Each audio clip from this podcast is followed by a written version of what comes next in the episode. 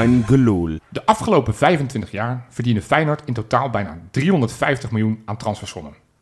Omgerekend per seizoen is dat een krappe 15 miljoen per jaar. Best aardig zo op het hoog, toch? Nou, nee, niet echt.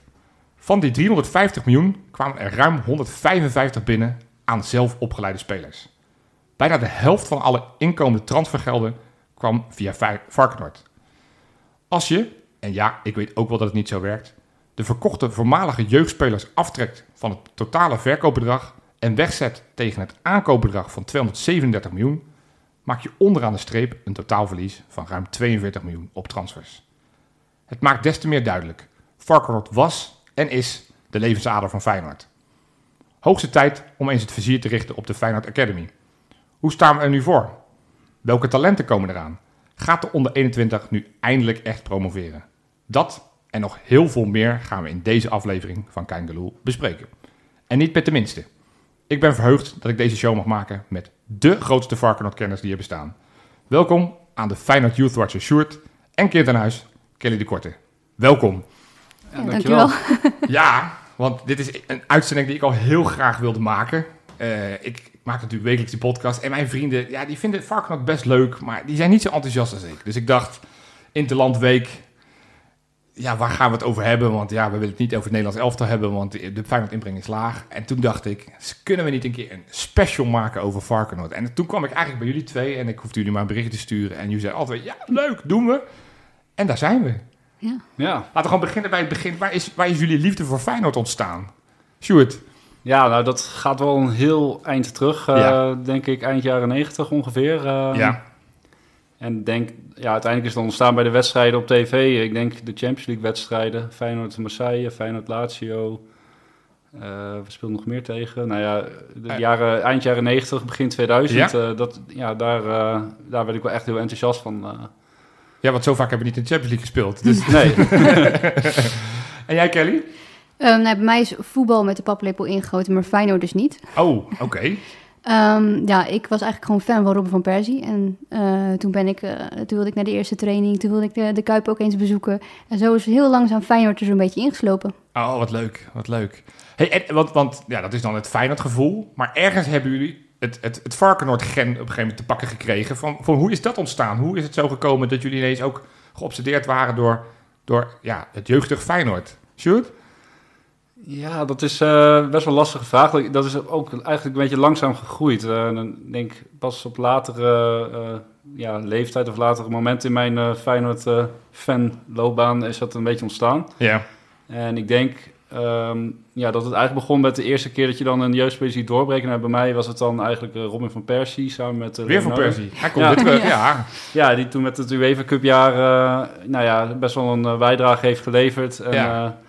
Ja. en dan zie je gewoon zo'n jochie van eh, 17 eh, langs de lijn, eh, eh, eh, die komt dan invallen. En dan denk je van, ja, eh, geen idee, wie is dat nou weer? Nou ja, en vervolgens zie je hem de meest eh, magistrale dingen doen op het veld. Ja, dat vond ik toen eigenlijk wel fascinerend. En ja, ineens heb je gewoon een soort superster erbij. eh, tenminste, dat ging, ging Ja. heel snel. ja. En nou ja, vervolgens eh, ja, ga je natuurlijk wel kijken, iedere keer als er weer een jeugdspeler komt, van, eh, goh, wat zou die kunnen, weet je? Zou dat weer de nieuwe van Persie zijn? Eh, Ja. Daar hoop je natuurlijk Ja, op. dat is, dat is wel een beetje teleurstellend dan geweest vanaf dat moment. Als dat je instapmoment was. Is het- Ja, ik ben hoog ingestapt, eh Ja, kan wel zeggen. Ja. Maar vanaf dat moment ben je eigenlijk veel meer gaan kijken naar jeugdspelers en, en, en wat voor soort spelers dat zijn. Ja. En hoe is het bij jou, Kelly? Bij mij is het dus veel later gekomen. Ja. Ehm, ik was natuurlijk met, eh, met de Youth League toen ze dat voor het eerst gingen doen. Ja. En toen, eh, toen zag je dat op tv en toen dacht ik van, eh, zo, dat, is, dat is best tof. Ja. En dan zie je zo'n Kukchu voetballen daar en denk je, ja, nou, leuk spelen. Dat, dat wordt hopelijk onze nieuwe nummer 10. En dan als je dat ja, zo'n beetje volgt, dan ga je er zo langzaam, ga je Varkenoord bezoeken. En dan, ja, ik vind het gewoon altijd leuk om voetbal te zien. Dus dan werd ik eigenlijk al snel verliefd op Varkenoord. Ja, ja. Hey, en, en dat is dan één. Ik bedoel, je kan er verliefd op raken, je kan er enthousiast van worden. Maar in jouw geval, Sjoerd, jij dacht, weet je wat, ik ga ook een Twitter-account ga ik starten met inmiddels 15.000 volgers, waar je eigenlijk alles, al het wel en wee van Varkenoord, dat bespreek jij. Hoe, hoe is dat gekomen? Ja, dat is eh, ongeveer in 2018 eh, ben ik begonnen met het account. Ja. Als ik het goed heb. Ehm, maar ik ben er eigenlijk mee begonnen. Ja, Ik zat al heel lang op Twitter, ik denk wel eh, sinds 2010 of zo. Ja. En ja, ik zag er natuurlijk, ik, natuurlijk vorig jaar dat voetbalgesprek op Twitter. En ik zag heel vaak dat het over de Ajax-jeugd ging. En hoe geweldig die talenten van Ajax al niet waren. Over Feyenoord las je heel af en toe wel eens wat. Maar Ja. ja, het, het was niet echt een gesprek over de talent van Feyenoord op dat moment. Eh, terwijl ik daar altijd wel heel erg geïnteresseerd in was. En op een gegeven moment dacht ik van, ja, laat ik het zelf eens een beetje bijhouden. En kijken, eh, nou ja, ik begon dus een naam, eh, de naam die ik dus heb gekozen destijds, Feyenoord Youth. Ja, het is, klinkt misschien een beetje hoogdravend, maar nou ja, het trok wel weer andere Feyenoorders die ook geïnteresseerd zijn in de jeugd. Ja, En vervolgens ja, bra- bracht er wel een soort gesprek op gang. En ja, die volgers die begonnen eigenlijk vrij snel eh, flink te groeien. ja. Daar had ik toen zelf ook helemaal niet over nagedacht. Ik vond het eigenlijk leuk om gewoon met andere mensen te praten over die eh, talenten van Feyenoord en hoe, het, eh, hoe die ontwikkeling ervoor stond. Eigenlijk nooit met de gedachte van, eh, goh, dat account zal nog eens eh 15.000 volgers gaan halen. Dat heb ik toen niet eh, per se bedacht of zo. Mocht je het niet volgen, ga het sowieso volgen. Want ja, Sjoerd, ik, ja, ik heb zoveel informatie van jouw account steeds gehaald. Ik heb zoveel spelers voor het eerst voorbij zien komen bij jou. Dat ik dacht, dus, dus dit geldt voor elke Feyenoorder. Als je wil weten wat speelt er allemaal, dan moet je in ieder geval even Ja, een, nou, volg het- drukken bij, eh, bij jou. Ik merkte wel op een gegeven moment gewoon dingetjes bij te houden. En ik merkte ook dat, eh dat Feyenoord ook wel zelf wat, wat gaten liet vallen daarin eh, qua informatie. En Ja. dan moest je dan vaak toch ergens opzoeken of weer aan iemand vragen van... goh, wie heeft er toen gescoord? Of wie deden er mee? Nou ja, dat, gewoon van dat soort dingetjes die eh vervol- Ik ben het ook op een gegeven moment zelf in kaart gaan brengen. En eigenlijk mezelf een soort van die verplichting opgelegd om dat... te gaan doen. En ik merkte dat mensen dat heel erg eh, konden waarderen. Dat ze ja, altijd even voor de laatste tussenstandjes of eh uitslag, wat dan ook, eh, even bij mijn account konden checken. En op een gegeven moment krijg je steeds meer informatie Ja. van mensen die... Want je hebt een partij bronnen. ja, Ja, je weet heel veel. Of Feyenoord Ja. daar uitspeelt in Groningen. Jij Ja. weet altijd weer de tussenstand na 20 minuten te vertellen. Ja, klopt. Heel veel mensen die dus eh, echt eh, elke week op Varkenoord zijn, die eh, weten me ook wel te vinden. En die Ja. spelen dat graag even door. En die vinden het ook echt heel leuk. En ook de ouders bijvoorbeeld, maar ook de spelers zelf. Ehm, ja, iedereen die daar een begaan mee is, ja, die, die is vaak ook gewoon trots op als er iets leuks is bereikt. Of, en die kon mij dat even melden. Maar ook met de jeugdtransfers bijvoorbeeld, dan ja, krijg je op een gegeven moment ook wel wat dingen toegespeeld. Ja, en dat, en dan, ja, dat zijn dingen die wel heel veel aandacht genereren, zeg maar. Leuk. Alleen inmiddels ben ik er niet meer zo... Een tijdje was ik ook heel actief op eh, om dat te verzamelen. Maar nu eh, ja, heb ik zoiets van, nou ja, ik hoor het wel een keer. eh, vaak ben ik toch wel een van de...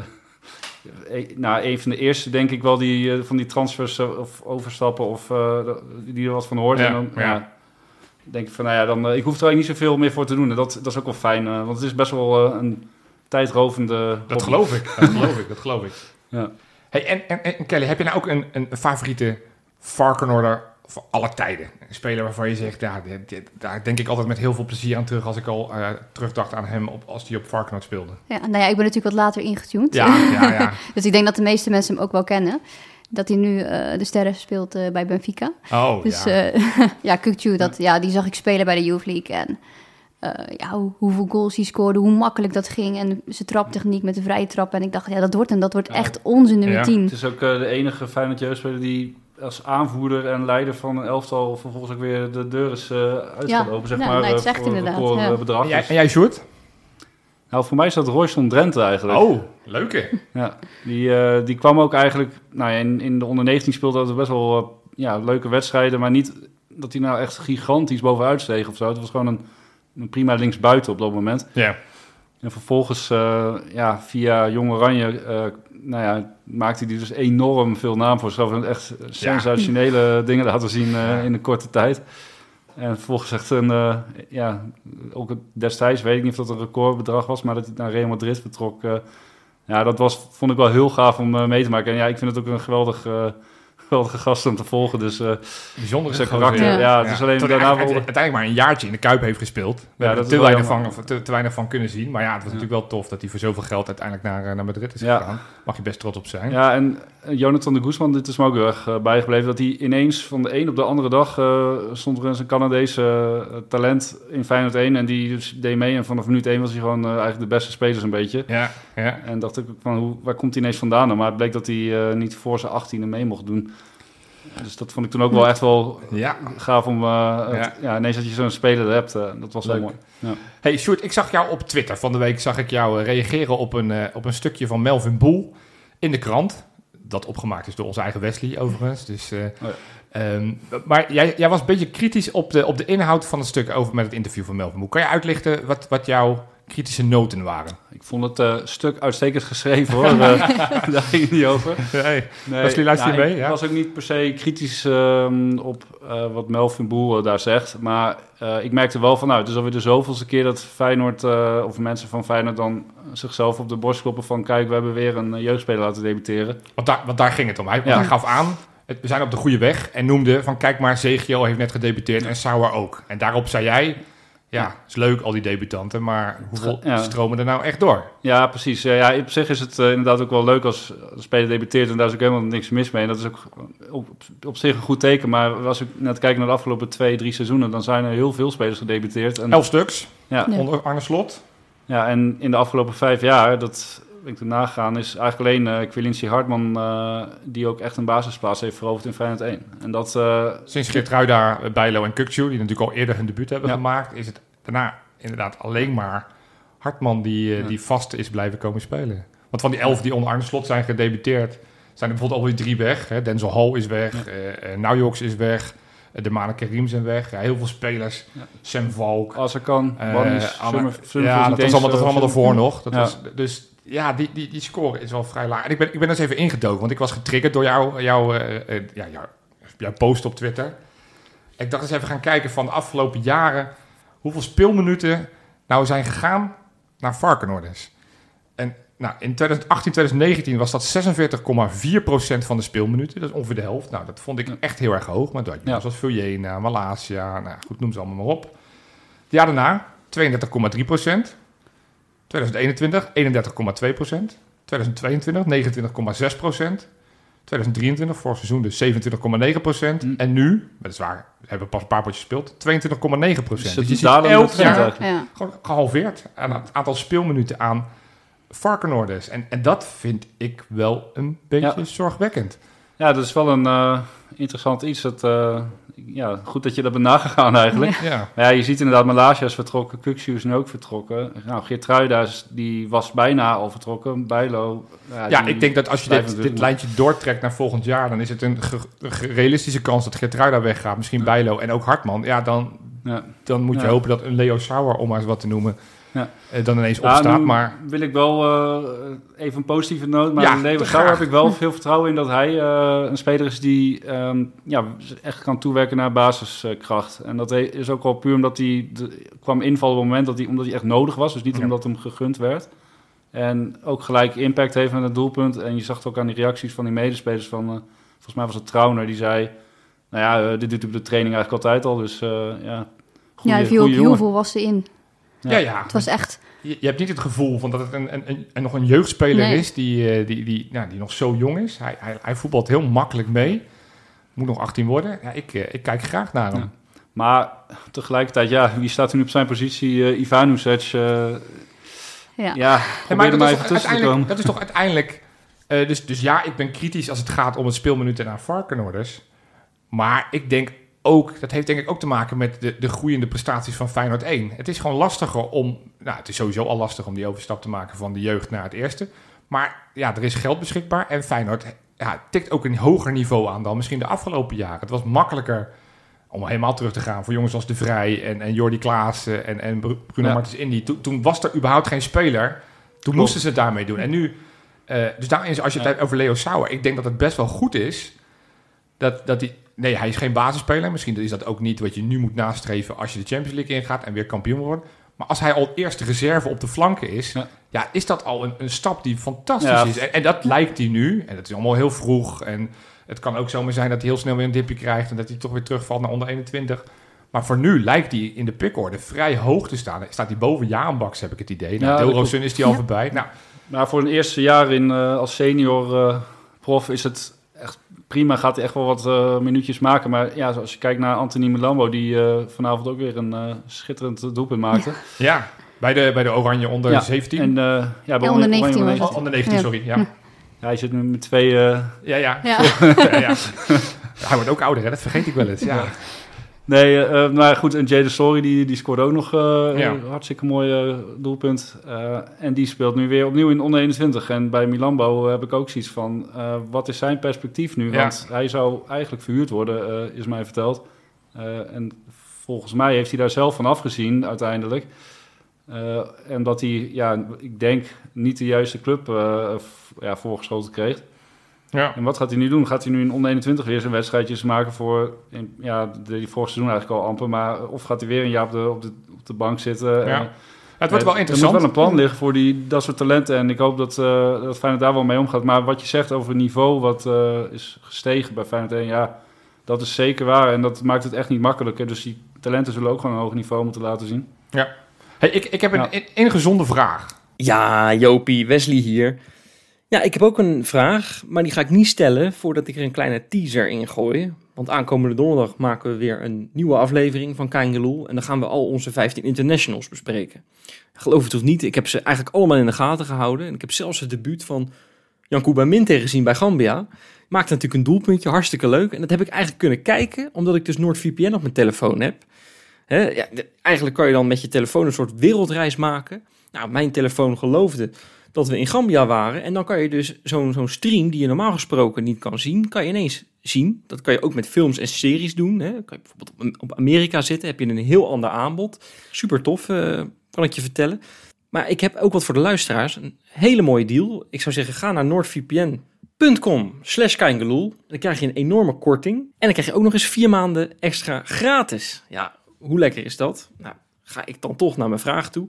Uh, Jan Kuba Minte noem ik al eventjes. Maar ik heb ook Ueda gezien, die natuurlijk voor Japan scoorde tegen Duitsland. Hè, waardoor die Hansi Fliek uh, eruit wordt gegooid. Ja, uh, en voor Ueda was er eigenlijk wat triest nieuws, omdat hij geblesseerd is geraakt. En dan gaan bij mij eigenlijk de alarmbellen gelijk rinkelen. Want we hebben tegen Celtic over een week al, is die wedstrijd... Geen Jiménez door zijn rode kaart. Ueda is misschien geblesseerd. Er loopt natuurlijk helemaal geen spits achter. En ik vroeg me eigenlijk af, eh, vanuit de jeugd stroomt er eigenlijk al jaren geen spits meer door. Gaat daar nou de komende jaren verandering in komen? Ja, wat het altijd is op het moment, kijk, je met uh, spitsen in de jeugd, ze scoren aan de lopende band. En dan denk je echt van, nou, nu, nu komt er echt wel een spits aan. Er zijn ook spitsen die dan ook gewoon één of twee leeftijdscategorie hoger spelen. En dan denk je van, nou, eh, ze scoren echt heel veel. Maar op het moment dat ze dan bij het eerste komen, dan zakt dat toch weer weg. En dat is niet alleen bij Feyenoord zo, dat merk ik, dat is gewoon in het algemeen eigenlijk zo. Ja. Dus als je nu zou zeggen van komt er wat aan, dan zou ik zeggen ja zeker, er komt zeker wat aan. Alleen met spitsen is het toch blijkbaar een hele moeilijke positie om door te breken. Laten we hem eens breder trekken, aanvallers. Want, want jij hebt er volgens mij ingedoken, jij, bent, jij hebt wat onderzocht, want het gevoel is altijd dat eigenlijk sinds Boetius bij Feyenoord geen echte aanvaller meer is. Doorgebreuk. Hoe, hoe, hoe zit dat bij onze concurrenten? Ja, nou, ik, inderdaad, dus het is een gevoel. Dat dacht ik van, nou ja, uh, en uh, ik heb het uh, opgezocht. En bij PSV zeg ik bijvoorbeeld Gakpo. Die is natuurlijk vanaf het begin af aan bij. Dat is echt, ja. de, echt de PSV'er. Maar bijvoorbeeld een, een Noni Madueke. Die is van Spurs gekomen. een, een Malen. Die is bij Ajax opgeleid. Daarna naar Arsenal onder de 23 gegaan. En toen bij jong PSV weer naar PSV gegaan. Ja. Um, ja, je ziet ook spelers die er nu zijn. Zo'n Bakayoko die doorbreekt. Die komt ook uit Anderlecht. Komt hij vandaan. Ja, ja. dus het het, wat je eigenlijk ziet is dat ook bijvoorbeeld bij een PSV die spelers wel veel later komen uh, binnen de opleiding. Het is gewoon scouten eigenlijk op, op latere leeftijd. Want ik had inderdaad ja. het idee, bij, bij PSV hebben ze een van de aanvallersfabriek... waarin al die, ja. iedereen die daar binnenkomt wordt een goede aanvaller. Maar als je het zo zegt, ja, het zijn allemaal, allemaal namen die op latere leeftijd... Uh, uh, bijvoorbeeld met die Van Duiven die nu ook weer aan zit te komen... komt volgens mij ook ja. van, Twente. van Twente af. Ja, dat, ja, dat doet PSV heel slim. Um, ik denk alleen wel dat het ook te maken heeft met um, bepaalde overtuigingskracht naar die jongens toe. En ik denk dat die spelers zoals Weken die bijvoorbeeld Manchester United afslaan... Uh, ja. En Bakayoko, die komt volgens mij ook naar de heel, heel de internationale top al op die leeftijd. Um, ik denk dat PSV daar ook wel iets meer kan bieden dan wat Feyenoord biedt. Uh, en, dat, en dan bedoel je geld? Ja, dat denk ik, dat ja. denk ik wel, ja. Maar ik heb er geen... Uh, je hebt geen bewijs. Geen bewijzen van. maar er is wel een reden dat... is dat je nu gaat bewijs gaat verzamelen.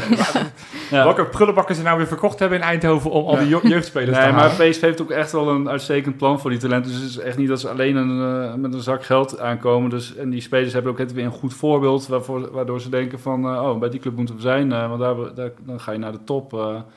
En ja, bij Feyenoord heb je gewoon minder van dat soort voorbeelden. En ja, ik denk dus ook um, nou, dat je dat echt moet opbouwen als, als club zijnde. En uh, ik zie wel dat Feyenoord nu investeert in bepaalde landen. En Slowakije is misschien wel een voorbeeld daarvan met Sauer. Ja. ja, dat is eigenlijk voor het eerst ja. voor mijn gevoel dat we uh, een beetje geld neerleggen voor een jeugdspeler. Ja. Uh, die waar eerst een jaar gehuurd was. Nou, met een optie tot koop. Die heeft Feyenoord afgelopen zomer gelegd. Ja. Het is wel reet interessant. Want je ziet wel op het moment dat deze gozer daadwerkelijk straks gaat doorbreken, ja, dan, dan is hij natuurlijk die investering dubbel en dwars waard geweest. Ja, en wat Feyenoord nu ook doet is ehm samenwerkingen opzoeken in landen zoals eh, Amerika. Ja. Nou, Brazilië hebben ze nu eh, met die Laranja Mechanica, of hoe je het ook uitspreekt. Ehm, en dat, Er komen af en toe spelers op proef volgens mij bij Feyenoord, Ja. vanuit, vanuit die samenwerksverbanden. ja, en nou ja, met name Amerika, nou, Paolo eh Ja. als ik het goed uitspreek. Nee, Ja. Die eh, was ook al op stage en die schijnt al wel eh, zeker eh, te zijn dat hij ook gaat aansluiten bij Feyenoord. Maar dat is nog iets met zijn eh, papieren aan de hand, geloof ik. Of hij moet een- eerst 18 worden. Ja, Eh, Ja, dat is natuurlijk ook gewoon een jeugdinternational van Amerika. Dus in ja, die zin... en die hebben ze laatst ook Ja. aangesproken. Ook een naam die ik moeilijk eh, na kan zeggen. Maar die, mij weet jij hem. Ja, ik, ik, ik ga het niet eens proberen. Ik, voor de mensen die het willen weten, de vorige podcast luisteren, want daar heb ik het een paar keer geprobeerd. Maar inderdaad ook een je- Amerikaanse jeugd international die ze vanuit, de- vanuit die samenwerking met Orange County eh, hebben gehaald. En, en volgens mij die één deze dagen ook gepresenteerd zou gaan worden bij Dort.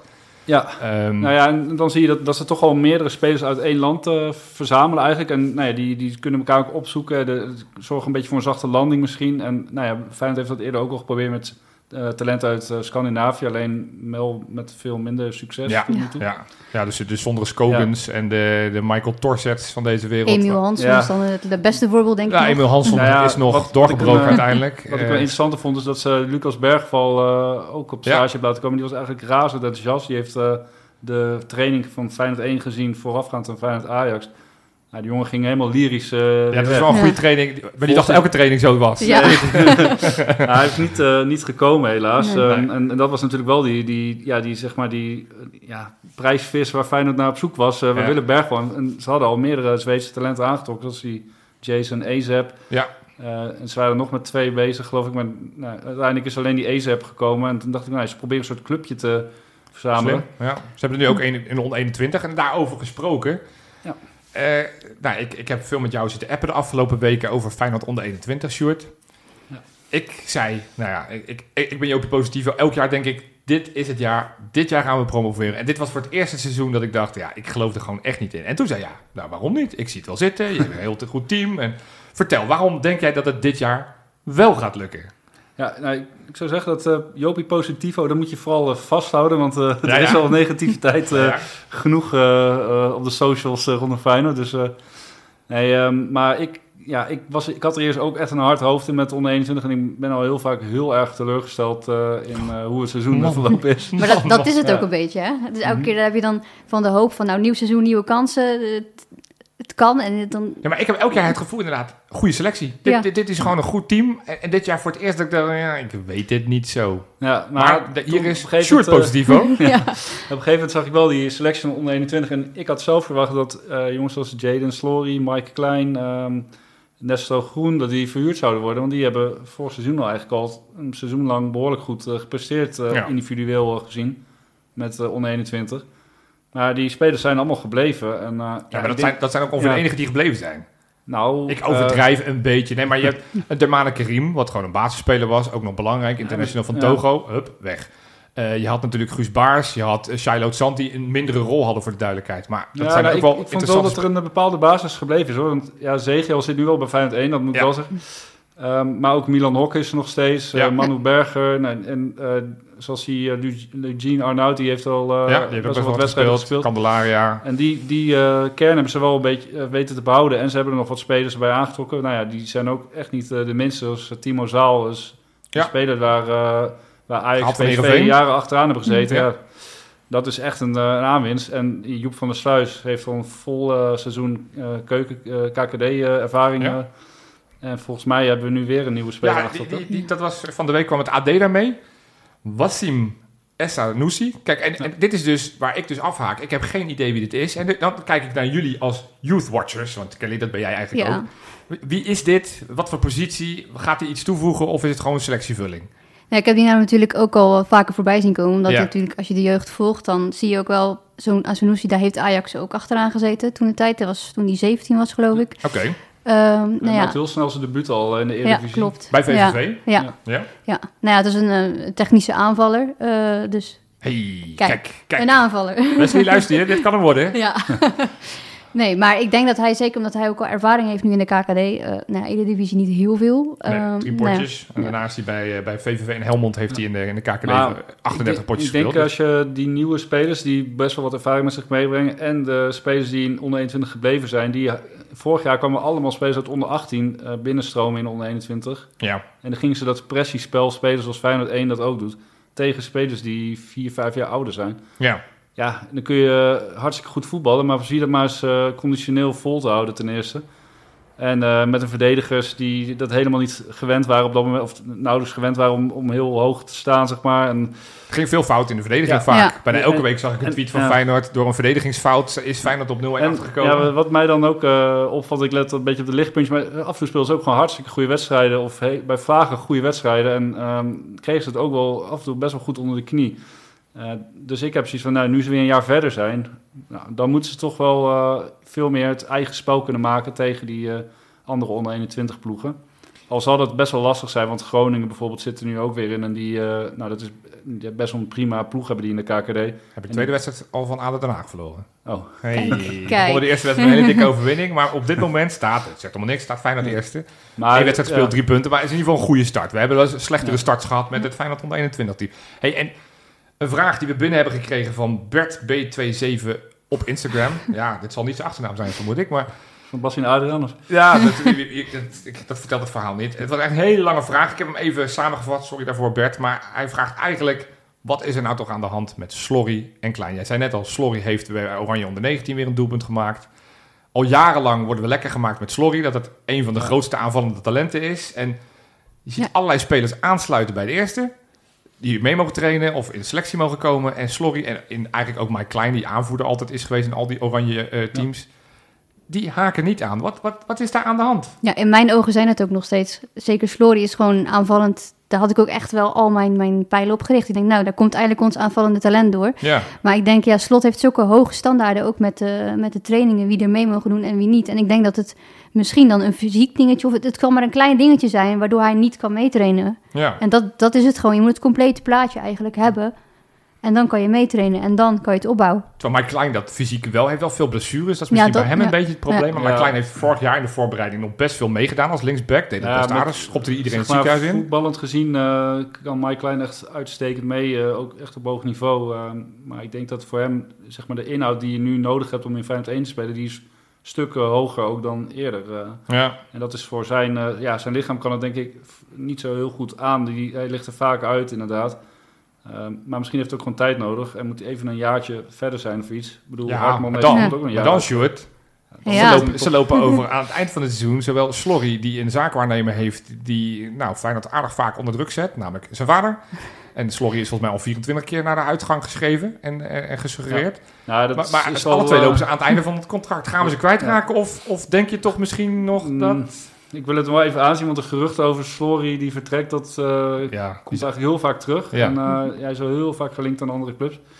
Dus daarom wil ik dat er wel even aanzien. Maar ik denk wel, ja, hij speelt nu voor zijn tweede jaar in de onder 21. En hij heeft vanavond weer eh, uitgeblonken bij een Oranje onder 19 tegen Mm. Italië. En ik denk, ja, dan, hij kan echt wel iets meer dan Feyenoord onder 21. En hij had eigenlijk, voor mijn gevoel, in de KKD moeten spelen, minimaal. ja. Misschien wel. Eredivisie. Maar zal dat dan te maken hebben dat Feyenoord zoiets heeft of verlengen Ja, ik of denk anders, dat, dat ze maximaal ja. op onder 21? Ja. Ik denk dat ze er gewoon niet uitkomen. En Ja. Feyenoord heeft zoiets van, ja, als jij nog één jaar contract hebt, gaan we jou niet verhuren.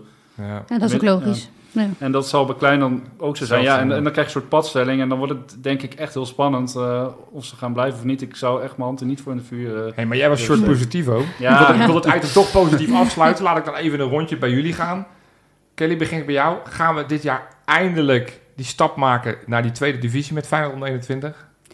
Nou, eigenlijk dacht ik van niet. Maar nu ik zo'n verhaal van Sjoerd heb gehoord, heb ik eigenlijk zoiets van, ja, ja dit gaat hem worden. Oké, Sjoerd. ja, jij, jij kan nu niet... Nou, dit verhaal van Kelly kan je niet nu zeggen. Nou, Ja, dat nee. eigenlijk niet. Nou, je- ja, ik denk wel van, je zult zien dat ze zaterdag gelijk weer uh, keihard onderuit gaan. Maar ja, ik heb er eh, vertrouwen in. En eh, ja, het zal ook van afhangen hoeveel spelers ze dus uiteindelijk met Feyenoord 1 eh, laten, laten meedoen. Of daar op de bank laten Ja. zitten. En, eh, en hoeveel ble- blessures er zijn. Nou, dat moeten we even zien. Maar in principe heb ik er best wel veel vertrouwen in. En eh, ja, eh, ik ga er wel vanuit dat ze gewoon eh, in ieder geval eerst worden in de pool en de play-offs halen. Quick boys, we komen. Hey, waar ik in het bijzonder ook met jullie over wilde praten is...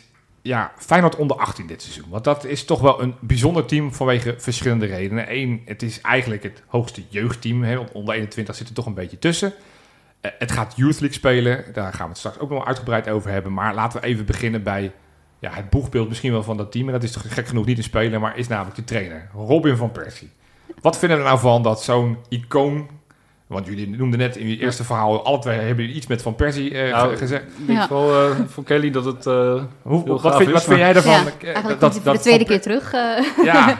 Nee, maar wat Ja. vind je ervan dat hij voor, eh, voor de groep staat van onder 18? Nee, ik- ja, ik vind het echt gewoon geweldig. Ja. Ja. het is natuurlijk wel even kijken van...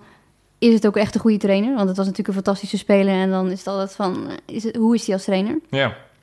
Eh, maar ik denk dat het gewoon een heel mooi boegbeeld is voor de academie. Ik denk ook dat bijvoorbeeld...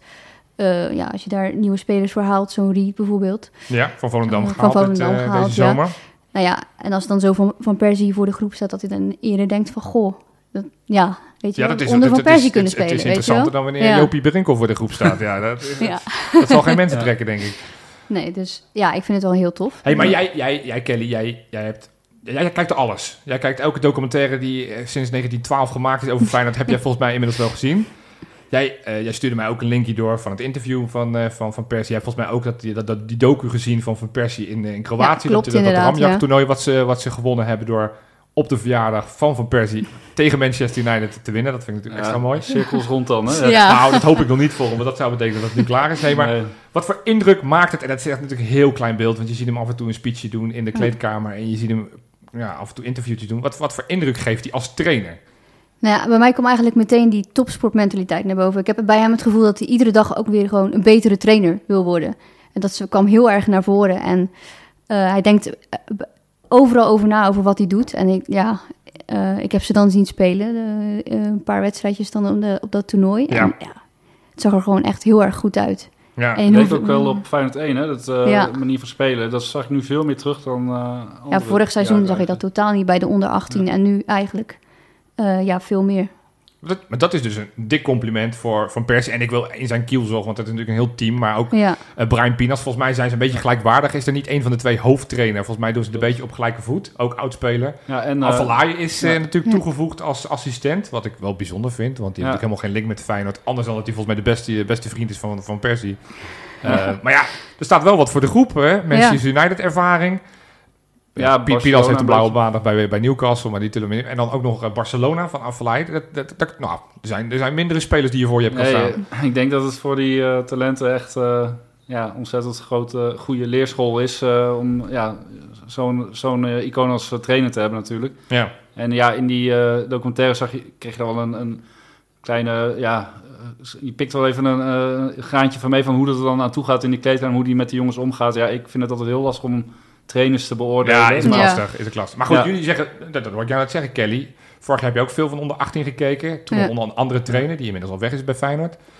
Ja. Jij zegt nu wel, je, je ziet wel veel meer spelprincipes die, die Feyenoord door de hele linie wil, eh, wil, wil hanteren. Je ziet wel die press, je ziet wel gewoon het voetballende vermogen. ja, Ja, nou, de zit- press was er vorig jaar Ja. ook wel. Die, Ja. die stond Je hebt wel te maken ja. met, je bent ook wel enigszins afhankelijk van het eh, materiaal wat je Tuurlijk. dan hebt. Hè? Ja. Dat is wel eh, een dingetje. En ik denk wel dat onder 18 zich wel eh, aardig versterkt heeft. En ook wat jongens eh, nog een jaar dat eh, opnieuw laten Ja, doen. ja. Waardoor ze er ook makkelijker, eh, ja, makkelijker het spel kunnen uitvoeren wat ze willen. Dat denk ik wel. Want weet je wat me opgevallen is bij dat onder 18? Want ja, jij noemde net in jouw, jouw onderzoekje wat je gedaan hebt, Kelly, van, van dat PSV best wel veel spelers, ja, misschien op latere leeftijd, weghaalt bij andere clubs. Uit Nederland, België, zelfs Engeland af en toe. Eh, Ajax doet het natuurlijk al jaren. Hè, halen ze iemand op 16-jarige leeftijd van, de- van de graafschap. En dan is dat de beste eh, jeugdproduct wat ze ooit hebben gehad, om maar eens wat te noemen. Of Frenkie de Jong van een Willem II afplukken. Maar ja, het- wij het gaan dat lijkt- gewoon ook doen, hè, met uh, Sauer natuurlijk. Nee, Ja. wij, ja, wij doen natuurlijk met Sau. Natuurlijk, als het ons uitkomt, is dat ook een jeugdspeler. Ja. Zo is het Ja. ook.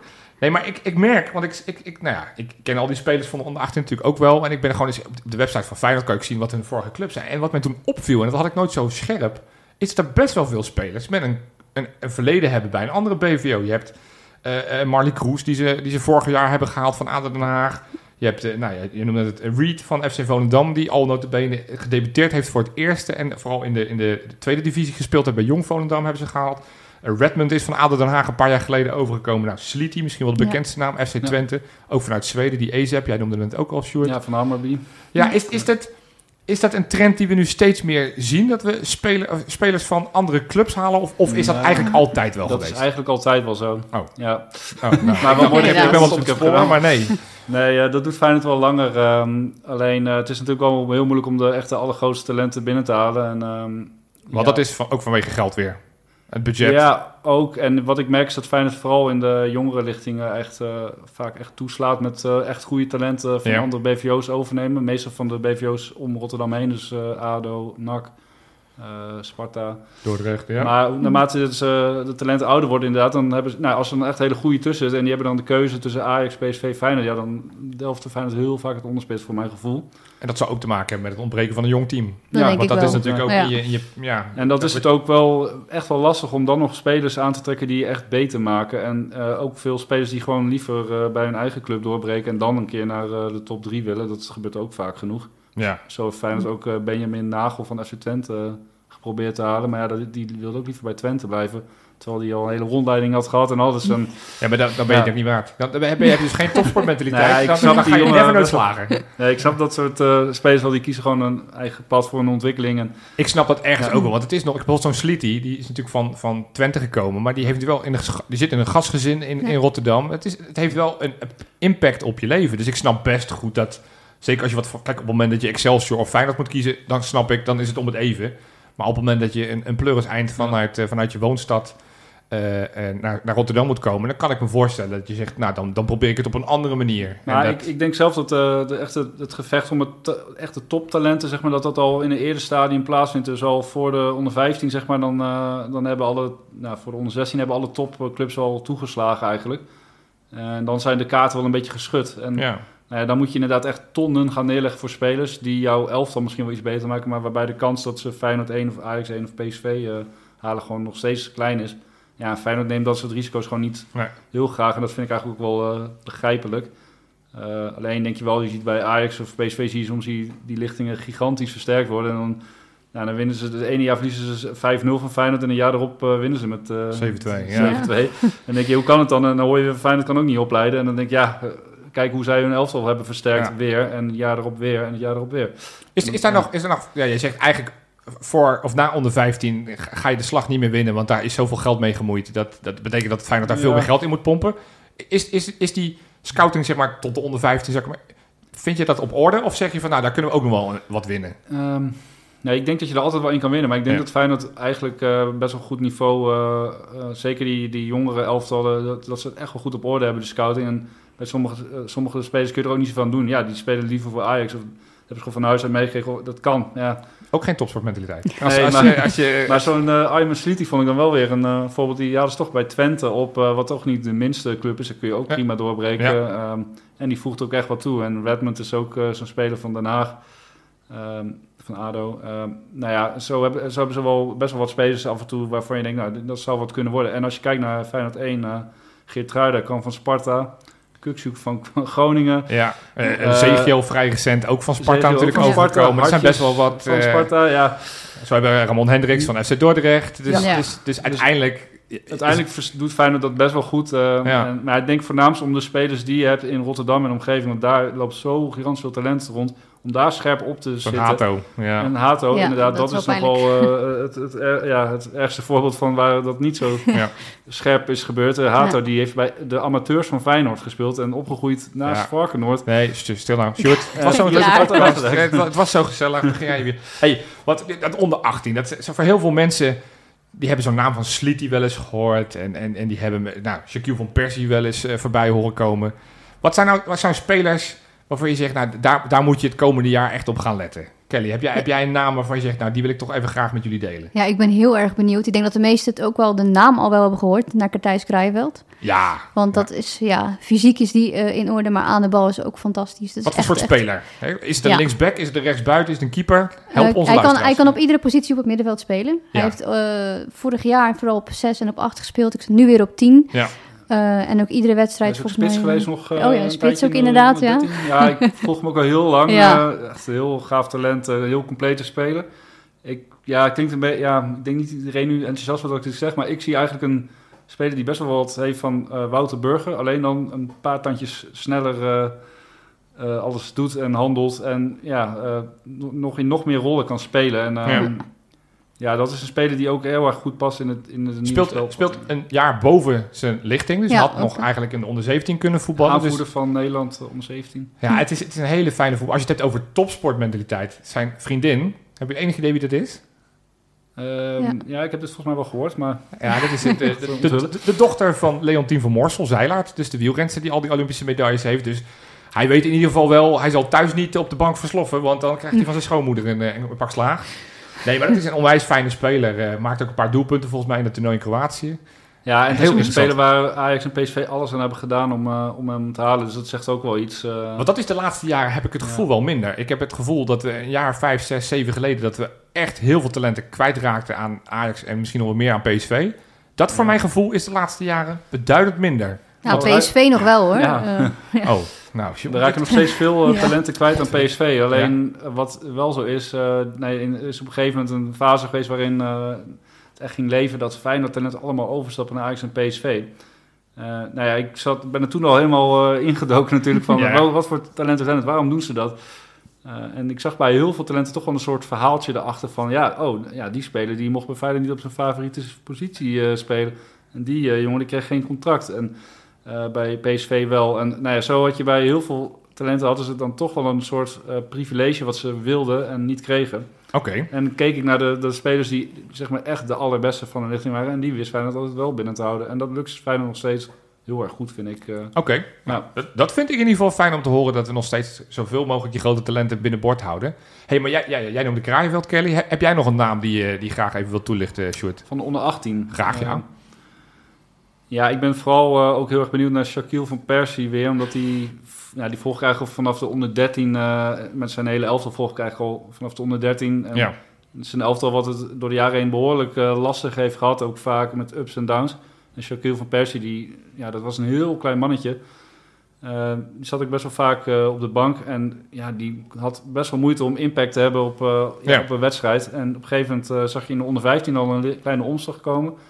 Onder 16 begon hij al ongeveer 1 op 2 eh, wedstrijden te scoren. Nou, in de onder 17, vorig seizoen, heeft hij gewoon al eh, ja, meer dan 1 op 1 gelopen. En ja, helaas is hij nu geblesseerd, maar eh, hij heeft zijn postuur ook steeds meer mee. Hij krijgt gewoon een beetje postuur van Robin, denk ik uiteindelijk.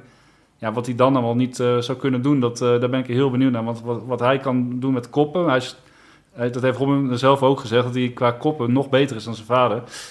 Zijn manier van bewegen door, over het veld en in de 16, dat is eh, ja, zo gigantisch geslepen. Dat was een paar maanden geleden zo'n filmpje wat, Ja. wat viraal ging. Dat hij zo'n, eigenlijk zo'n, zo'n kopie maakte van die goal van Van Ja, Persie en- met en Nederlands elftal. En ja. dat is het Ja. mooiste om te zien, die, die, juist die kleine geniale dingen, dat je denkt van hoe bedenk je dat om een zo ja.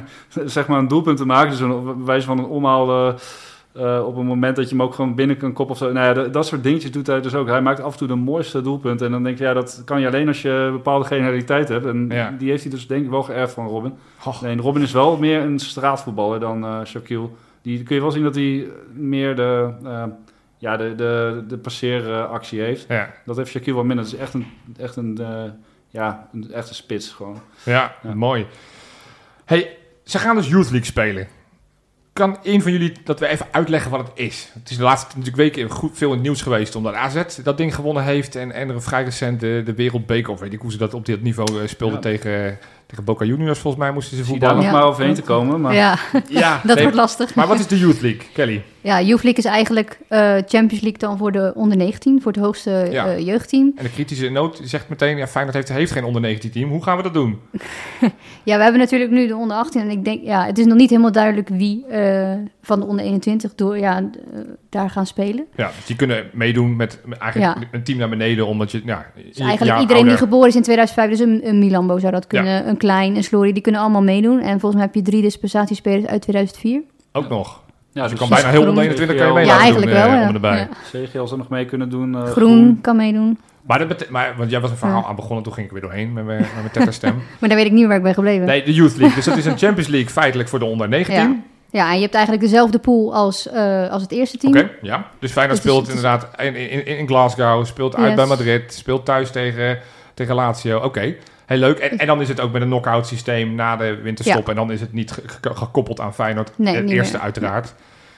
Ehm, wat verwachten we daarvan? Hebben we daar zin in? Ja, ik heb er wel echt heel Ja. erg veel zin Ja? in. Ja, daar heb ik ook heel veel zin in. Ook Ja. omdat het vorige keer ook zo gigantisch mooi was. Eh, en zeker als je het elftal van toen ook erbij pakt. Ja, ik, eh, ik- Ja. daar kom ik straks op terug. Ja. Daar kom ik we straks hebben het op straks over inderdaad. Maar nou ja, daar, dat is al een reden om heel veel zin in te hebben. En ja, voorafgaand aan de, de, de Feyenoord 1 Champions League eh, avond op Varkenoord. Nou, ja, dat wordt gewoon één groot eh, feest, hoop ik. Eh, het wordt sowieso heel gezellig. Want die wedstrijden zijn altijd op de dag zelf van Feyenoord. Dus Ja. eh, vaak ja, rond een uurtje of drie, twee, vier, een beetje dat, eh, dat tijdstip. Ja, dus ik denk dat daar heel veel eh, supporters ook wel op afkomen en eh, echt wel zin in hebben om... eh, Ja, ja, ik, ik heb al inderdaad een kaartje gekocht voor die eerste, eerste wedstrijd tegen Celtic. Gewoon Ja, redelijk smiddags erheen en dan doortrekken naar die avondwedstrijd van Feyenoord. ja, Ja, heerlijk. fantastisch. Ik heb er Ja. zoveel zin in. Maar wat, wat Feyenoord gaat doen in die League qua eh, hoe ze het, de selectie gaan samenstellen, dat weet ik dus ook niet. Nee, Ehm, nee. Want je zou dus echt eh, letterlijk spelers van Feyenoord 1 eh, terug kunnen halen. En, en ja, AZ heeft het gedaan, maar ik weet niet of Feyenoord het, eh, die keuze ook gaat maken. Ik vermoed eigenlijk dat Feyenoord wel heel sterk voor de dag wil komen.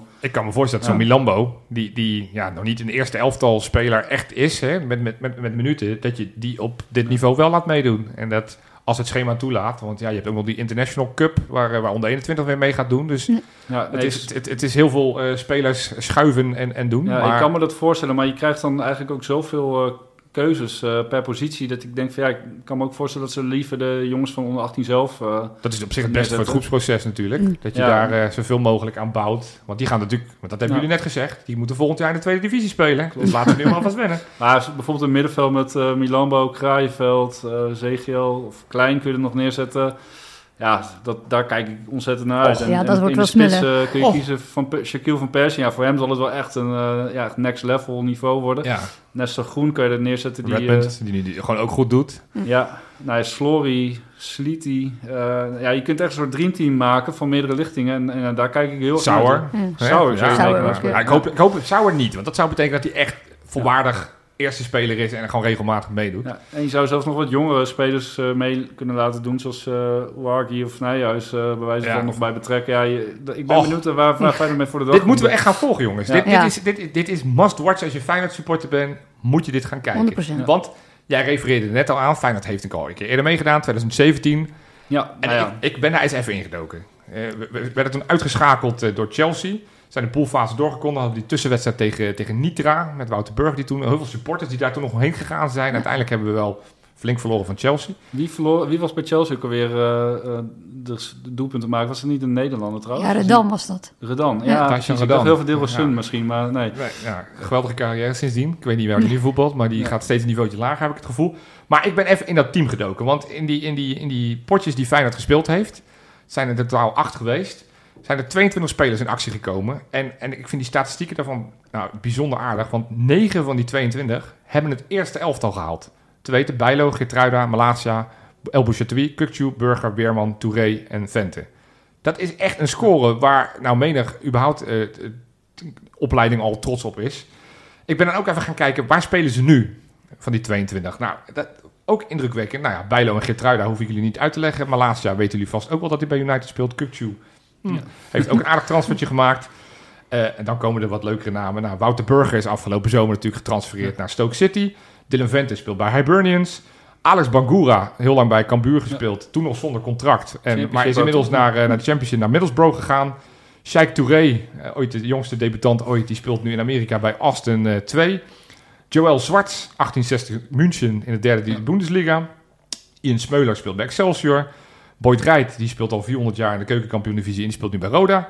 Eh, Jeremy van Mullum heeft recent een transfer gemaakt van Sparta naar Cambuur.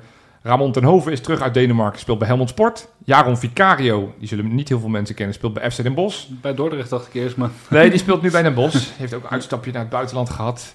Nu komen de spelers die dan nu bij de amateur speelt. Niels Butter. Dit is een naam die mij echt werkelijk helemaal niks zei. Ja, die heb ik kwam van AZ over, ja, dat, dat, dat zag ik inderdaad toen ik het ging voorbereiden. Ja, die speelt bij IJsselmeervogels. Nou, nog steeds een respectabel niveau. Jordi van Leeuwen en Leon Kalentjev. Dat zijn eh, eh, spelers die alle twee nu bij Westlandia in de amateur speelt. Kalentjev was eigenlijk volgens mij het grotere talent van, van en hem. En die kwamen samen van Groningen. Ja. Rodney Huigen, die heeft het eh, nooit tot prof geschopt. Die is meteen bij de amateurs gaan voetballen. En bij Oranje-Wit speelt hij nu. Jordi Weerman, Ashraf El Bouchatoui en Noah Lewis op dit moment allemaal clubloos. Hebben vorig jaar nog op verschillende niveaus gespeeld. En de enige die, ja, die eigenlijk meteen na dat jaar gestopt is, is Doude van de Kust. Noah Lewis heeft volgens mij wel een club, maar... Kan Nee, die, die heeft vorig jaar, ja, dat, dit, dit weet ik natuurlijk als bakensman. Ja, oké. Eh, die heeft vorig eh, jaar bij eh, St. Patrick's in Ierland gespeeld. Maar daar is zijn contract afgekocht en Ah. die is op dit moment weer clubloos. Dus nou ja, ben jij een club in de KKD en denkt, ik kan nog een boomlange verdediger gebruiken, die wel eens een foutje maakt. ja. Maar als je dit zo ziet, bijna allemaal hebben ze in ieder geval op profniveau gehaald. Kijk, Jordi van Leeuwen heeft heel even bij Dordrecht gezeten. Eh, 22 mensen, eh, waarvan er geloof ik 19 profvoetbal hebben gehaald. Dat is echt indrukwekkend. Ja, dat is echt veel. Ja, dat is een goede score. Ja, en ik vind het voornamelijk leuk die, eh, zoals Alex Mangura, die nu weer een eh, best wel goede transfer maakt. Nog Ja. om die nog toch weer, eh, want daar had ik destijds helemaal niet zoveel verwachtingen van. nee, eh, nee. eh, die, die dan toch wel aardig ver komt. Dat is, vind ik dan weer leuk om, eh, om te zien. eh, als je zo het hele rijtje ook weer opnoemt, eh zit wel wat verrassende carrières bij. Het gaat, het gaat ook heel snel, denk ik dan. eh. Ja, zeker. Ja. zeker. ja, je wil natuurlijk die, die eerste vier eh, namen die je noemde, ja, daar, daar, eh, die wil je opleiden natuurlijk. En, ehm, ja, dat zal Ja, maar ook, ook, ja. ook de restscores. Kijk, zo'n Burger heeft natuurlijk nooit een grote waarde gehad voor Feyenoord. Maar, maar levert met en zijn doorverkoop en zijn eerste verkoop... levert ook gewoon geld op voor Feyenoord. Zoals De Levente en zelfs Bangura, die nooit een contract heeft gehad... heeft gewoon puur op de opleidingsjaren... pak je daar ook wat geld op. Dus, Ja. Eh, maar het- uiteindelijk gaat het erom dat je zoveel mogelijk spelers aflevert aan één. En dat heb ik volgens mij Robin van Persie ook in een van die interviews eh, eh, horen zeggen. Uiteindelijk is die Youth League kan een perfecte kickstart zijn voor je carrière. Dus laat Ja. die gasten dat heel goed in hun hoofd hebben. En dan hoop ik over een jaar of zes dat ze nou, minimaal dit lijstje kunnen evenaren. Dat ze zoveel Feyenoord 1 hebben gehaald. Ja. Of, eh, of hele mooie carrières, misschien buiten Feyenoord, maar wel gewoon profvoetbal hebben gehad. Ja, wat, wat je toen zag bij de Youth League eh, eh, in 2017, 18, eh, nou ja, niet alleen de sfeer, zeg maar, op Varkenoord, ontstaat echt een serieuze wedstrijdsfeer. Dus dat Ja. is voor die jongens al helemaal ja, Goed. heel gaaf Ja, en leerzaam. En daarnaast, ja, hoe ze ook blij waren als ze dan een wedstrijd wonnen. En, en die supporters ook trouwens. Ja, die doken ook, die, ze doken ook met z'n allen die supporters in en zo. Dat was zo, eh, zo tof was dat. eh. en daar ontstaat ook eigenlijk al een band tussen die supporters en die eh, jeugdspelers. Dus, Ja. Zeg maar Geertruiden, Kukshoe, Burger. Ja, die waren eigenlijk al...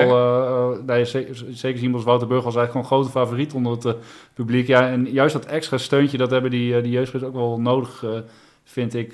want ik vind het soms een beetje negatief vaak over eigen Ja, jeugd. ja. Eh, dus ja, ik hoop dat dat met deze lichtingen dan, dan weer eh, gaat We gebeuren. spreken gewoon af. Ja. Er zijn heel veel mensen die buiten de boot hebben gepiest... omdat ze geen kaart hebben voor de, de Champions League wedstrijden.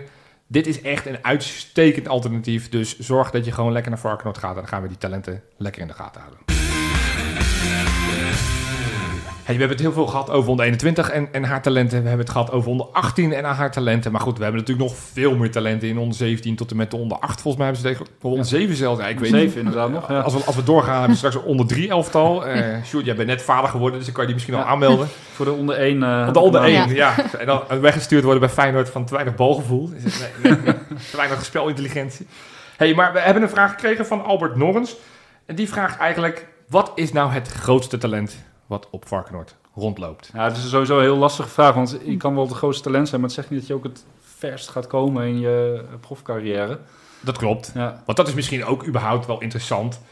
Eh, Je kan heel goed zijn bij de onder 15 en onder 14, maar dat is natuurlijk nog geen garantie dat je daar Feyenoord 1 haalt. Er zijn natuurlijk zat voorbeelden van spelers die enorm gehyped waren, waar iedereen extreme verwachtingen van. Nou, eentje om zelf eentje te doen, bij Guus Baars had ik echt van overtuigd dat hij Feyenoord 1 zou gaan halen. ja. Sheikh Touré, we hebben het over die, eh, over die Youth League.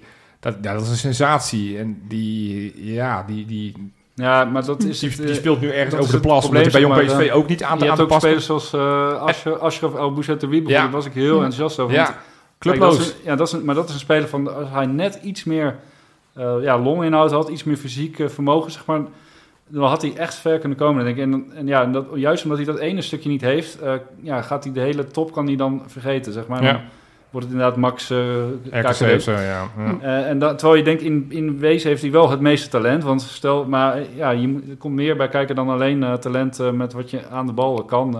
en zo is het best wel lastig om in de jeugd al spelers te zien rondlopen die echt, echt alles met een bal kunnen. Maar dat je weet van ja, er komt nog meer bij kijken. En dus het hele complete plaatje moet goed zijn. En Ja. sommige dingen, eh, vooral het, spel zonder bal, is heel lastig te beoordelen. Dan moet je wel echt een, eh, echt oog voor hebben. Ja. Eh, nu ga ik niet claimen dat ik dat oog heb, maar ik, ik, ik zit er ook wel eens naast qua verwachtingen. Dus En dat zal andersom ook zo zijn. Want ik, ja, ik denk dat niemand, maar nou echt niemand, misschien hij zelf ook niet, Colinci Hartman had verwacht dat hij een basisspeler van het Nederlands elftal en tegen het Nederlands elftal aan zou schuren. Ik denk dat niemand dat ooit had voorspeld. Nee, Nee. totaal niet. Hey, maar toch die vraag. Want wat is nou dan... Het grootste talent is dan inderdaad... Nou ja, jij zegt enige nuance. Is, is moeilijk te zeggen. Maar wat is nou eentje waarvan je zegt... Dat kan wel eens een hele grote gaan worden, Kelly. Ja, ik denk dat de naam ook al een paar keer gevallen is al. Maar bijvoorbeeld zo'n Eyoub Ouarghi. Ja. Ja, Ja. Dat, ja, die heeft eh, volgens mij wel een hele fanbase. Als Ja, hij wedstrijden is, eh, speelt, dan... Een eh, TikTok-voetballer is het volgens mij. nou Die- ja, Ja. Kuzani, ja, ja, precies. ja, nee, maar dat vind ik gewoon... Wat hij met een bal kan, ja, dat, het is gewoon echt eh, ook gewoon zo leuk om naar te kijken. Wat kan, kan je uitleggen? Want, want, want er zijn heel veel mensen die niet op Varkenoord komen... die niet de samenvattingen kijken. Wat voor sportspeler is het? Waar hebben we het over? Ja, het is echt een baltovenaar op het middenveld. Oké. Het is echt een, eh, een nummer 10. Ja, een Eh, creatieveling. cre- creatieve nummer 10. Ja. Eh, ja, je ziet hem mannetjes passeren. Je ziet hem de meest ja, prachtige steekballen geven. En hij heeft zelf ook nog gewoon hele goede traptechniek. Dus hele ja, mooie goals schot maken. vind ik eh, echt Ja. heel eh, bizar eh, goed eigenlijk. Voor zo'n eh, Ja. klein ventje eigenlijk, wat, er, wat die eh, ja, voor ballen eh, gewoon afhuurt. Gewoon zoveel goals van, van afgrote afstand ook die hij erin legt. Ja, eh. dat is echt gewoon heel compleet. Ja. Maar ik zie hem zonder bal toch ook best wel veel meters maken. Ja, ik, Ja. Je zei het al, het is lastig om dat echt te beoordelen. Maar bij zo iemand denk ik van, ja, die moet het toch halen. Ja, je hebt zeg maar een aantal ex- exceptionele kwaliteiten zeg maar, die je echt nodig hebt om, als je de absolute top wil gaan halen, en een aantal van heeft je er gewoon maar... Dat je denkt van ja, maar dan hoop je inderdaad van dat Ja. hij ook nog eh, het fysiek gaat, gaat kunnen opbrengen om straks tegen een stuk grotere Ja. tegenstanders hetzelfde Ja. te laten zien. Ja, want hij is nu natuurlijk al doorgeschoven. Ja, want hij zou ook bij de onder 16 kunnen spelen. Speelt er bij de onder 17. Ja, en hij is, hij is niet heel groot. Dus, je, dus nu zit hij al tegen fysiek sterkere spelers. En Dus, behoort ja. hij nog steeds tot de betere van, Ja. van die hele lichting überhaupt. Dus wordt ook ik- flink aan getrokken. Marokko, Nederland willen hem alle twee volgens mij eh, Ja, voor- voor een nationale Ja. elftal wel hebben. Ja, nee, ik, ik vind zelf eh Marwan Azarkan wel eh, vergelijkbaar in die zin van dat je ook echt met open mond kan kijken wat hij allemaal kan met, eh, met een bal. Maar Ja. eh, alleen het, ja, bij Azarkan is het verschil ja. dat hij Ja. die tre- je moet de hele tijd sprints trekken en op een gegeven moment moet je nog een keer op een goal proberen te schieten. En je kan wel drie mannen passeren, maar daarna moet je ook de rust hebben en de, en de, ja, de, Ja. de inhoud om dan nog even goed het hoekje uit te zoeken. Zeg maar. Nou ja, dat, en voor Azarkan is het qua effectiviteit daardoor best wel lastig. Hij, hij kan qua snelheid, hij heeft genoeg snelheid om mee te komen in de Eredivisie. Maar hij heeft eigenlijk net dat kleine stukje eh, ja, inhoud meer eh, nodig dat hij niet heeft. En ik hoop bij, Ay- bij Ayoub eh, dat het wel... eh, Ja. gaat komen. Maar ja, bij Ayoub zie je dan wel goals maken. Ik denk van ja, die heb ik als ik al nooit zien maken. Nee, precies. Ja. Precies. Oké. Hey, ja. En dan kijk ik even toch naar jou, Sjoerd. Want als je Ouarghi zegt, zeg ik automatisch ook Nijenhuis. Want dat lijkt wel een soort van één... Ja, het lijkt geen tweeling, want ze lijken fysiek totaal niet op elkaar. Maar die worden wel altijd, omdat die uit hetzelfde bouwjaar zijn... dus ook eh, een lichting boven zijn niveau eigenlijk spelen. Nou, wat dat zijn wat voor de, soort speler is Nijenhuis, eh, Sjoerd? Nijhuis is echt een hele gehaaide eh, spits. Ook groot, sterk, lang. Ja. Dus heel snel. Ehm, ja, die beweegt zich over het veld als een soort eh, Brian Linsen eigenlijk. Alleen dan... ja, alleen dan op jeugdniveau natuurlijk. Dus dan moet je wel de hele tijd in het Nou, ik denk dat hij inmiddels net zo groot is als Brian Linsen. Of Ja, die al groter. groter is. Groot al, ja, die, eh, die tikt bijna de 91 wel aan, denk ik nu. Kijk, ja. Dat heb je wel echt nodig. Ja. Maar het, de vraag is wel, eh, eh, ja, kan hij het straks ook tegen iets ouder tegenstanders? Want we vergeten wel eens, kijk, Feyenoord onder 17, dat klinkt natuurlijk als een giga- goed niveau. Maar ja, in principe is dat nog steeds onder het amateurniveau van senioren. Ja. Dus Ja. dat moet je dus wel de hele tijd bij bedenken van, hij laat het nu zien, maar laat het een, een tandje hoger, laat het ook maar weer zien. Dat zie je vaak met fysiek sterke spitsen. Ja. Hè, eh, maar ik moet zeggen dat Nijhuis het seizoen al uh, Zo. weer begonnen, begonnen, is. Dus, ja. Ik denk dat in ons twee- 17 Twee jaar gespeeld, zes doelpunten volgens mij. Klopt, ja. In de eerste wedstrijd vijf gelijk. Dus. Ja. Ja, en dan ook nog twee assists geven. en een 8-0 overwinning. eh. Ja. ja, en zo gigantisch dominant in, eh, in de statistieken... dat je ja, dat eigenlijk het niveau misschien wel te makkelijk is. Zou die eh. misschien dit seizoen... Ja, dan heeft natuurlijk concurrentie van een Van Persie en een Redmond. eh, zou je, zie je misschien dit seizoen al doorschuiven? Ik En denk dat hij, ook eh, wel voor, voor ik denk dat hij het einde van het seizoen eh, in onder 18 wel wat minuutjes zou kunnen maken. Maar wat ook zo is bij Feyenoord, eh, ze willen ook zien van Nijhuis en Ayoub dat ze het, hun eigen elftal gewoon bij de hand kunnen nemen, week in Ja, week uit. Ja, En dat is, eh, vorig jaar was het niet altijd het geval. Hebben ze ook wedstrijden gespeeld waarin ze helemaal niet te zien waren eigenlijk. nou, mooi ontwikkelpunt. Ja, Ja. Oké. Dus... eh, Zijn er nog meer spelers in de onder 17 waarvan je zegt... Nou, die, die wil ik wel eventjes, eventjes de revue laten passeren. Want dit zijn natuurlijk de eye-catchers die iedereen wel kent. Maar misschien is het ook wel leuk om een andere naam. Ik kijk even naar jou, uh, Sjoerd. Ja, ik vind eh, Matthew eh, en Paraganda natuurlijk een hele Ja, leuke... dat, dat, daar ga ik niet aan wagen, dit soort namen. Probeer het eens maar. Nee, dat probeer ik niet. Nee, ja, Nee. vertel. Linksback. Ja, zijn linksback, hij lijkt... ehm, ja, het is echt een buitenspeler die is omgeturnd naar linksback. Eh, Ja. Dat kun je echt wel zien. Hij is heel frivol, echt een soort...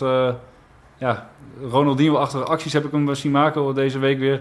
Ja, daar gingen weer beelden inderdaad op, op internet langs. Ja. Dat hij eh, iemand helemaal in het ziekenhuis in speelt. Ja, een enorm balvaardig eh, speler. En ehm, ja, ook die goed de ruimtes leest en, eh, en, en ja, komt opzomen op de, op de juiste momenten. Maar ook een klein, een klein mannetje weer. Dus ja, ik, ik zie in zijn qua in vergelijking met Malasia op die leeftijd. Als back kan je er misschien iets makkelijker mee wegkomen dan als voorhoede speler of als middenvelder. Dus ja, interessant. Ja, en hij is ook de linksback van eh, Oranje, dus dat is ook wel weer een goed teken. Ja. Dat is geen garantie, maar Contract Ja. getekend. ook. En Ja, dit, die is, dit, richting dit, is toch de, de speler die eh, eh, zoveel jaar geleden in die voorwedstrijd bij Feyenoord die vierdubbele flip deed? Ja. Ja, Precies, Ja, ja, die- ja. De hele bijzondere manier van juichen waarmee die echt de wereld over gegaan is. Een soort Ja. slang. eh, Oh, dit is de, worm, de worm, ja. ja, geniaal. Hey, zijn, zijn er nog, nog andere spelers die, die, ja, misschien niet bij onder 17, maar in andere lichtingen? Het wordt ook wel tricky, hè? Want hoe, hoe, hoe Ja. jonger we gaan, hoe moeilijker het ook in te schatten is. En, en, en, en hoe meer we ook moeten beseffen. Het zijn kinderen. We, we gaan, we gaan hier niet tot en met de onder 7 door om te zeggen, Nee. nou, die linksback van de onder 7. Ja, nee, maar, ik zijn- er nog andere spelers, misschien spelers die al een contract hebben getekend, of te- tegen het tekenen van een contract aanzitten, die jullie zeggen, hey, die, is ook wel interessant om even aan het grote publiek voor te stellen? Ja, ik ben zelf ook wel fan van eh, Kevin Kaan. Ik denk dat, ik weet niet of de... Dit is een naam die in onze podcast in ieder geval nog nooit, nooit voorbij is gekomen. Dus nou, vertel, wie is Kevin Kaan? Eh, die kwam, eh, eh, is verhuisd vanuit Canada naar Nederland. Ja, Ehm, en dat is een middenvelder ook. En ook een, een middenvelder die op alle drie de posities uit de voeten kan. Het is Ja. een hele eh, technische middenvelder, een hele slimme middenvelder. Ehm, en eh, hij speelt inderdaad ook voor Canada onder de 15, nu Ja. onder 16 dan. Eh, en ik heb hem een paar keer gezien op Varkenoord en ik denk, hij, hij, heeft, hij valt niet echt op zoals een Uargi opvalt met zijn acties. Maar het is, je ziet wel dat het een hele slimme speler is. En daar hou ik ook wel van, weet je wel, van steekpaasjes. En ja, dat hij is is echt wel eh, zo'n... binnengekomen via zo'n eh soccercamp in Canada, geloof ik. Oh ja, als winnaar. was hij een van de, de drie winnaars, geloof ik, die dan werd uitgekozen door het georganiseerd door Feyenoord. Dat doen ze ieder jaar. En zo is hij op stage gekomen en daar is hij al gelijk heel erg overtuigend. En eh, ja, hij is een van de betere spelers uit het team. Dus, eh, Hey, nog andere spelers, eh, Sjoerd, die, die, die jij ook eventjes de revue wil laten passeren. Ja, ik vind, eh, waar ik, wat ik echt heel gaaf vind, is Feyenoord, eh, dat Feyenoord Sam Rovers heeft gescout bij FC Oegstgeest. Hoe schreest? Ja. Of all places, ja. Het is een eh, jongen die, nou, een super lange gozer zat. Ja. eh, nou ja, die deed altijd al twee jaar bo- eh, mee boven zijn eigen leeftijd bij de amateurs. We Speelt nu bij de onder 16. Ja, we speelden op hoofdklasse niveau. Nou, dat is echt een paar tandjes lager dan Ja, wat ze bij Feyenoord spelen. Vervolgens, ja, hij werd binnengehaald. Nou, ik denk, nou, weer een spelertje van de amateurs, prima. Nou, meestal komen die op de bank terecht. Of hebben het best wel moeilijk om nog aan te haken in onder 14, waar hij toen terecht kwam. ja. Maar hij, eh, hij maakte echt gelijk eh, indruk en gelijk in de basis. En ook bij Oranje en ook een profcontract nu. Ik denk, ja, dat heeft Feyenoord dan wel echt wel goed gezien eh, op dat niveau zelfs. Dat ze daar nog ogen open houden dus. Goed, hè? denkt, wat moet je als Feyenoord nog op hoofdklasseniveau in de onder 15? Ja, want die spelers die, die spelen dus vijf niveaus onder het Niveau ja, Feyenoord Ja. spelen. Dus, maar ja, dat hebben ze wel goed gevonden, vind ik. En, eh, compliment ja, voor de scouting. Ja. Nou, dat zal waarschijnlijk Tim de Cler, want volgens mij doet hij de, de Leidse regio. Ja, hij is inmiddels weg als scout. eh, volgens mij Ja, dat zou goed kunnen, ja. Maar uh, Oostgeest ligt onder de rook van Leiden. Ja, Ja. dat leuk joh. Hey, een speler die, die, waar, waar ik ook jullie even wil eh, over horen, is, is een speler... Ja, we- jullie hadden het net over dat er nog best wel veel spelers van Feyenoord naar PSV gaan. Maar vorig jaar hebben we het ook andersom. Nou ja, dat doen we Ja. vaker. Maar Mick Akkermans was, eh, was volgens mij een, een, een zeer groot talent in Eindhoven. Maar die is afgelopen zomer... Tenminste, nee, de zomer daarvoor is hij van, eh, van Eindhoven naar Feyenoord gegaan. ja Vorig Ja. jaar natuurlijk veel overgegaan omdat hij, omdat hij kanker had. Inmiddels weer helemaal Ja, genezen verklaard. In meerdere ge- gevallen was dat echt een eh, unieke overstap. Omdat Feyenoord eigenlijk voor de eerste keer het eh, herenakkoord eh, schond. Dus een dubbele vergoeding betaalde Ja, voor een speler van 13. ja, Maar er zit ook wel een lange verhaal van. Feyenoord was wel heel veel langer grond dat eigenlijk al dat, eh, van de geruchten dat hij wel graag naar Feyenoord wilde komen. Omdat hij komt gewoon echt uit een Feyenoord-familie. kijk. Ja. Kijk. Die hebben dus wel de juiste mentaliteit. Die snappen het wel. Ja, Eh, maar ja, het toeval wilde dat hij ook echt eh, ja, de beste speler was eh, bij PSV. En dat is hij ook eigenlijk ook wel bij Feyenoord in zijn lichting. Ook aanvoerder. ja. En echt een hele eh, getalenteerde nummer 6 met heel veel steekpages en heel veel inzicht. En ja, dat is echt niet als je die jongen aan het werk ziet. Alleen ja, inderdaad, daarna krijgt hij die, die vreselijke ziekte. ja. Ehm, maar gelukkig gaat het nu de goede kant op. En eh, hij zit ook al op de bank eh, bij goed. 15 weer. Alleen eh, spelen komt er nog voorlopig niet van. Maar ze hebben wel, zijn er wel bezig om, dat, eh, om hem weer terug te brengen inderdaad. En dat gaat dit seizoen sowieso eh, weer gebeuren. Dus dat is Hey. super mooi. Ja. En bij onder 15 zag ik ook wel een leuke trend. Nou, we hebben het daar ook al vaker over gehad in deze show inmiddels. Dat er een aantal spelers van andere BVO's zijn gehaald. Want ik zag dat er een tweetal spelers van FC Utrecht overgenomen genomen zijn. Notabene spelers die kampioen zijn geworden bij, eh, bij hun Ja. jeugdteam bij FC Utrecht. Ja, Wat- FC wat- Utrecht Wie zijn dat een, en, eh, en, en, en ja. hoe, hoe zit dat? Finn Baks, Ja. eh, linksback. Echt een grote, opstomende sneltrein op links eigenlijk. Ja. Een hele fijne speler om erbij te hebben. Ook, ook in beeld bij Oranje. En de centrale verdediger Boas Plantinga. Ja. Ook echt een ja, aan de bal ontzettend goede speler. En heel hele goede koppen. Ik heb hem al drie keer met zijn kop zien scoren nu bij Feyenoord. En bij Utrecht eh, deed het ook regelmatig. Waarom Maar- kiezen die gasten voor U bij Utrecht? Is natuurlijk, die hebben wel een, een, ploeg in de KKD. Hebben op zich best een aardige, aardige jeugdopleiding, ook Ja. over het algemeen. Waarom kiezen die nu, nadat ze kampioen zijn geworden in Utrecht, toch voor Feyenoord? Is dat dan ook een geldkwestie? Want ze hebben nog geen contract, dus dat Nee, kan ik het denk niet niet zijn. dat het een geldkwestie is. Ik denk dat zij echt eh, overtuigd zijn van het verhaal wat eh, Feyenoord neerlegt bij ze. En ehm, ja, Feyenoord speelt nu ook op een hele eigen manier Ja. modern voetbal. eh, en ja, je wordt daarin opgeleid richting Feyenoord 1. En ik denk dat dat spelers zoals nou ja, Plantinga, Barks, maar ook Akkermans eh, wel echt eh, doet overhalen om, om naar Feyenoord te komen. En dat Feyenoord nu dus ook wel een goed verhaal heeft ten opzichte van PSV en Ajax. Dus daar ben ik heel positief over. Dus ja, wat dat betreft, we zien inderdaad betere versterking. Maar dat zie je ook bij onder 18, waar uh, Reed bijvoorbeeld naar Ja. Feyenoord komt. ja. Eh, nou ja, Sliet hij iets eerder natuurlijk Ja. vanuit Twente. Ja. eh, Rudy Siel, eh, ook een, echt een groot talent. Nou ja, er, zijn, ik denk dat Feyenoord wel zijn imago niet alleen bij Feyenoord 1 aan het opkrikken is, maar ook in een jeugdopleiding. Alleen de volgende stap is wel, we willen wel nu wel Doorstromen. Feyenoord 1 spelers in Ja. de basis zien voor Ja, Feyenoord. ja, ja. Hey, Ja. En dan denk ik de laatste naam, want, want ja, we kunnen dit, dit spelletje kunnen we nog 4,5 uur doen en dan hebben we de hele lichting en Ja, het hele, heel heel. Maar, maar Milan Verhoeven, Ja. die, die, die zie Ja. ik ook vaak voorbij komen op Twitter. Wie is dat en waarom komt hij zo vaak voorbij op Twitter? Ja, dat, omdat hij gewoon eh, erg eh, veel indruk maakt. eh, hij win- dat- rijdt, Dat is de juiste reden. Liever Ja. dat dat hij zegt dat hij zijn buurvrouw aan elkaar geslagen heeft. Maar, nou ja, hij, hij speelt ook een lichting hoger mee, ook al een tijdje. En, hij speelt nu in de onder 14, hè? 14, Ja. hij is eigenlijk onder 13. En hij wint ook veel individuele prijzen. Dus ja, dat is ook een naam. Het is super jong allemaal. En weet je, we zien het over En wat voor speler? Verdediger, middenvelder, aanvaller? nummer 10 en spits. Kan die, eh, hij scoort ook regelmatig en belangrijk voor zijn elftal met goals en assists. Dus ja, Ja, jongens, ik, ik- ja, ik, ik word hier zo enthousiast van. Ik, ik kan dit nog drie uur doen. Ik denk dat we de luisteraars niet moeten aandoen, want dan komen we op een gegeven moment echt bij de onder 7 eh, de reservespelers uit. ja. Maar ik wil een afsluitende vraag. Van, van, we hebben het nu een, ruim een uur over dat, eh, dat Varkenoord van ons gehad. Van waarom vinden jullie nou dat mensen met veel meer interesse alles rondom die Feyenoord Youth, Youth Academy moeten gaan volgen? Kelly? Nou, ik denk dat het ook gewoon heel erg tof is als je een speler ehm, ziet ontwikkelen binnen de teams. Ja. En dan uiteindelijk eh, zijn debuut ma- eh, mag maken. En dan weet je eigenlijk al een beetje wat voor speler het is. Ja. Eh, en het is ook gewoon, ja, ik denk dat Varkenoord is gewoon ook heel gezellig. Ja. het is gewoon, eh, ja, gewoon een ontmoetingsplek om. En dan zie je ook nog eens heel erg goed voetbal. Dus ik zou niet weten waarom niet eigenlijk. ja, kan je daar nog overheen, Sjoerd? Of is nee, dit... het is inderdaad echt, echte liefhebbers. eh, er zijn er zoveel te vinden daar. eh, en inderdaad, goede sfeer altijd. Ehm, ja, dat, dat ten eerste. En eh, ten tweede, dat wat ik ook heel leuk vind, dat je de spelers gewoon door de jaren heen eh, volgt. En eh, nou ja, ik vind Milambo altijd wel een leuk voorbeeld. Die, in onder 13 zag je hem Ja. in de kampioenswedstrijd een goaltje meepikken. Van, nou, dat is wel een aardig spelletje. En, en, en letterlijk drie jaar later maakt hij debuut in Feyenoord 1. En dan, ja, dat, dat is zo leuk om, eh, om te zien hoe, eh, hoe snel dat dan kan gaan. Ja. Eh, nou ja, dus die namen die we nu net benoemd hebben, ja, wie weet gaat het ook wel hartstikke snel ineens. En dan hebben ze hem hier als eerste gehoord. Hoe vet is dat? Hè? wie weet. Nee, en kijk, wat, wat ik ook nog als, als laatste pleidooi wil houden voor al die luisteraars. even los van die, die, Youth League, want daar moet je wel volgens mij 5 euro toegang voor betalen. Maar het is gewoon gratis. En, en het is knijter toegankelijk. Je kan die spelers aanraken. Vaak vinden die spelers het na de wedstrijd wel leuk om even een handje te komen geven. Zeker bij de wat oudere teams, de onder 21, onder 18. Ze spelen al op het hoofdveld, dus dat wordt eh, nou, redelijk professioneel aangepakt. Ik was er laatst met mijn jongste zoon. Eh, die had die dag daarvoor, had hij eh, die Guus Baars de hand geschud, wat hij niet echt vond tellen. De dag daarna zitten Hartman en Zegiel zitten gewoon op de tribune.